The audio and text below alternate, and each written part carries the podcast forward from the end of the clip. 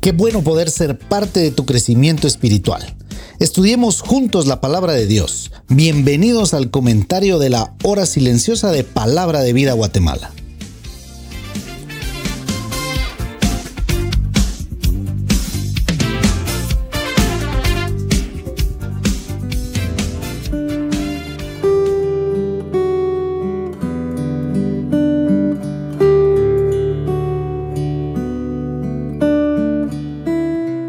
Siempre será un gusto y un privilegio compartir con ustedes el comentario de la hora silenciosa.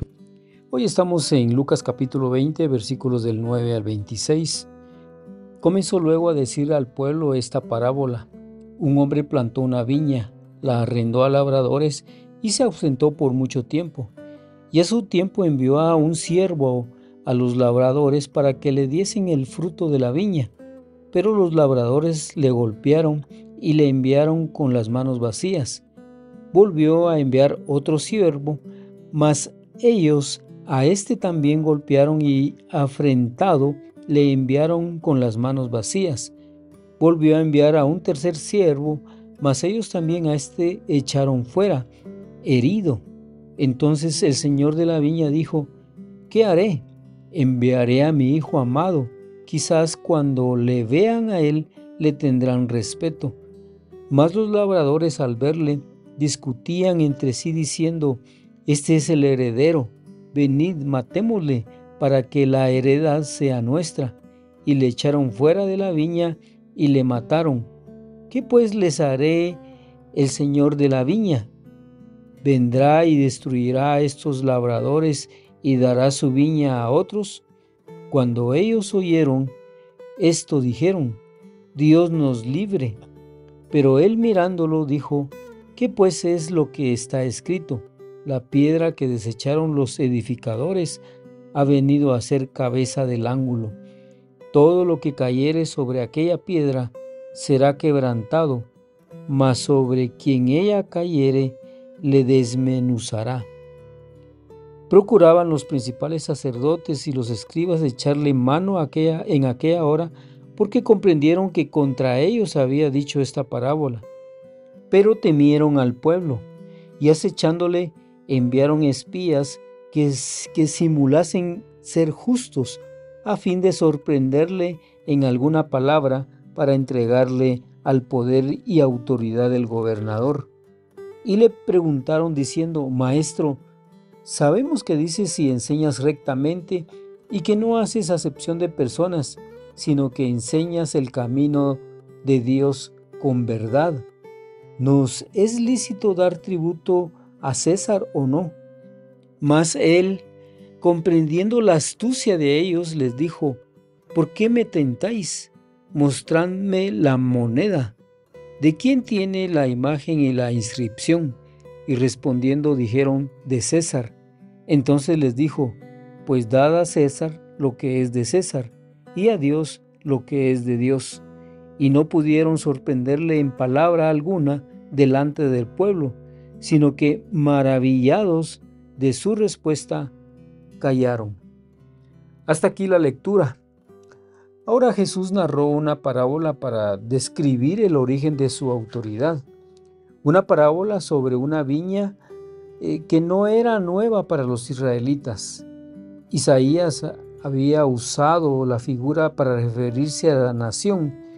Y dice en Isaías 5:7, ciertamente la viña de Jehová de los ejércitos es la casa de Israel.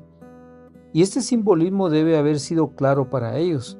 La parábola dice que el propietario de una viña envió a tres siervos a recoger el fruto de su viña, pero los labradores que la arrendaban golpearon a cada uno de los tres. Finalmente envió a su hijo, al cual mataron para quedarse con la heredad, y le echaron fuera de la viña y le mataron, dice el verso 15.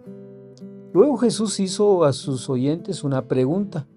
¿Qué pues les haré? Eh, les hará el Señor de la viña, dice el verso 15. Respondió a su propia pregunta eh, diciendo, destruirá a estos labradores y dará su viña a otros, dice el verso 16. Esta fue la culminación de todos los mensajes de Jesús en relación a los gentiles y a los que fueron desechados, estos que serán añadidos al reino, mientras que a muchos de Israel no se les permitirá entrar en él. La multitud respondió con una fuerte declaración de negación. Dios nos libre, dice el versículo 16. Comprendieron las implicaciones de lo que Jesús decía. El sistema judío se iba a hacer a un lado porque los líderes religiosos rechazaban a Jesús.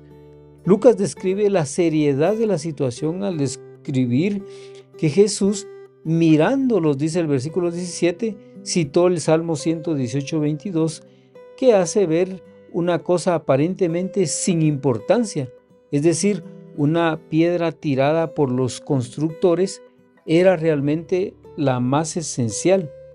Esta piedra llegó a ser cabeza del ángulo. Lo que Jesús quería hacer notar era que Él, que era el elemento más importante de la nación judía, estaba siendo rechazado, pero al final reinaría el Mesías esperado. Las palabras de Jesús fueron severas y traerían juicio a Israel. Los principales sacerdotes y los escribas querían matarlo porque comprendieron que contra ellos había dicho esta parábola. Pero una vez más temieron tomar cualquier acción porque el pueblo prestaba atención a las palabras de Jesús. Debido a que los líderes religiosos tenían miedo de hacer cualquier cosa contra Jesús por causa del pueblo, se mantuvieron acechándole, dice el versículo 20.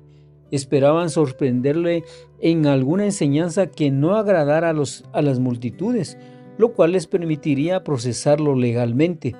Unos espías le hicieron a Jesús una pregunta sobre los impuestos. ¿Nos es lícito dar tributo a César o no? dice el versículo 22. Pero esta pregunta no solo era sobre dinero, también tenía que ver con política y religión. Intentaban volver al, al público en contra de él al hacer que Jesús pareciera estar al lado del gobierno romano. Si él afirmaba que los impuestos debían pagarse, podría ser acusado de, de, negar la soberanía de Dios sobre Israel, haciéndole impopular con el pueblo judío. Si él dijera que los impuestos no debían pagarse, se convertiría en enemigo de Roma. Según la historia, Roma había exigido durante mucho tiempo a los judíos de Palestina que pagaran impuestos, y estos eran forzados a pagarlos directamente al tesoro del emperador. Algunos patriotas judíos, como los celotes, se rehusaban no queriendo reconocer el gobierno de Roma como legítimo. Entonces Jesús, señalando la imagen y la inscripción de César en una moneda que era un denario, respondió en sentido afirmativo. Dad a César lo que es de César, dice el versículo 25. Pero también aprovechó la oportunidad para enseñar que se debería dar a Dios lo que lleva su imagen, es decir, uno mismo, porque pertenecemos a Dios. Y entonces dijo, y a Dios lo que es de Dios. Jesús está diciendo que somos ciudadanos del cielo y de la tierra al mismo tiempo, por lo que nos pide que debemos ser honestos, justos y obedientes al gobierno con los deberes civiles.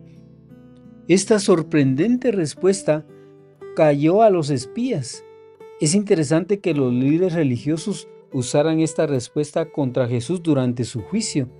Tergiversaron totalmente su posición acusándolo de oponerse al pago de los impuestos a César, como lo vamos a ver más adelante en el capítulo 23. Es importante entonces reconocer la autoridad de Jesús sobre todo lo creado. Por eso, vívelo. ¿Es Jesucristo la persona más importante de tu vida? Jesús es la piedra principal, es el sólido fundamento de la fe cristiana. Rechazar la piedra angular, es decir, el señorío supremo de Jesús, siempre traerá consecuencias nefastas para nuestra vida. Si bien es cierto que Jesús enseñaba el camino de, Dios con verdad, él no necesitaba de aduladores. El Señor conoce perfectamente nuestro corazón y espera de nosotros honestidad. El trabajo en la viña del Señor es laborioso, es necesario y también es constante, pero es también agradable y provechoso. Mi nombre es Carlos Boj y esperamos como siempre que la palabra de Dios cumpla sus propósitos en tu vida. Bendiciones.